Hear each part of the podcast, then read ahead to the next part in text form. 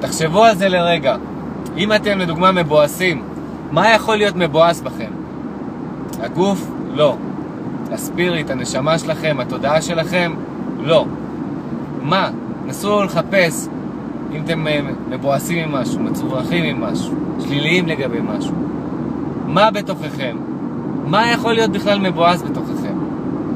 והתשובה היא אחת, ה mind, הרדיו הפנימי הזה שמנגן לנו כל היום, ואנחנו, מרוב שהוא מנגן לנו כל היום, והוא מנגן את זה בקול שלנו, ואנחנו כבר רגילים אליו, ואנחנו חושבים שזה אנחנו שמדברים אל עצמנו, אז אנחנו נותנים לו ככה לדבר בלי, בלי להפריע לו.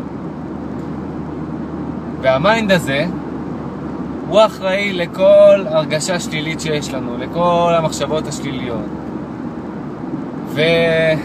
ומה שאנחנו צריכים לעשות, אם זה המקור לכל השליליות, אנחנו צריכים לאמן אותו.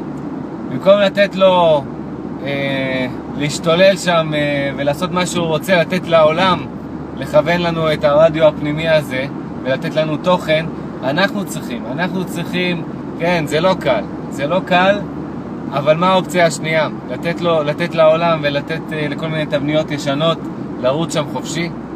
לא. אנחנו צריכים כל היום כמה שיותר להכניס לשם תוכן חיובי. אנחנו צריכים להיות באופן פעיל הקול השפוי, הקול החיובי, הקול הטוב של הרדיו הפנימי שלנו. להתאמן, להתאמן, להתאמן.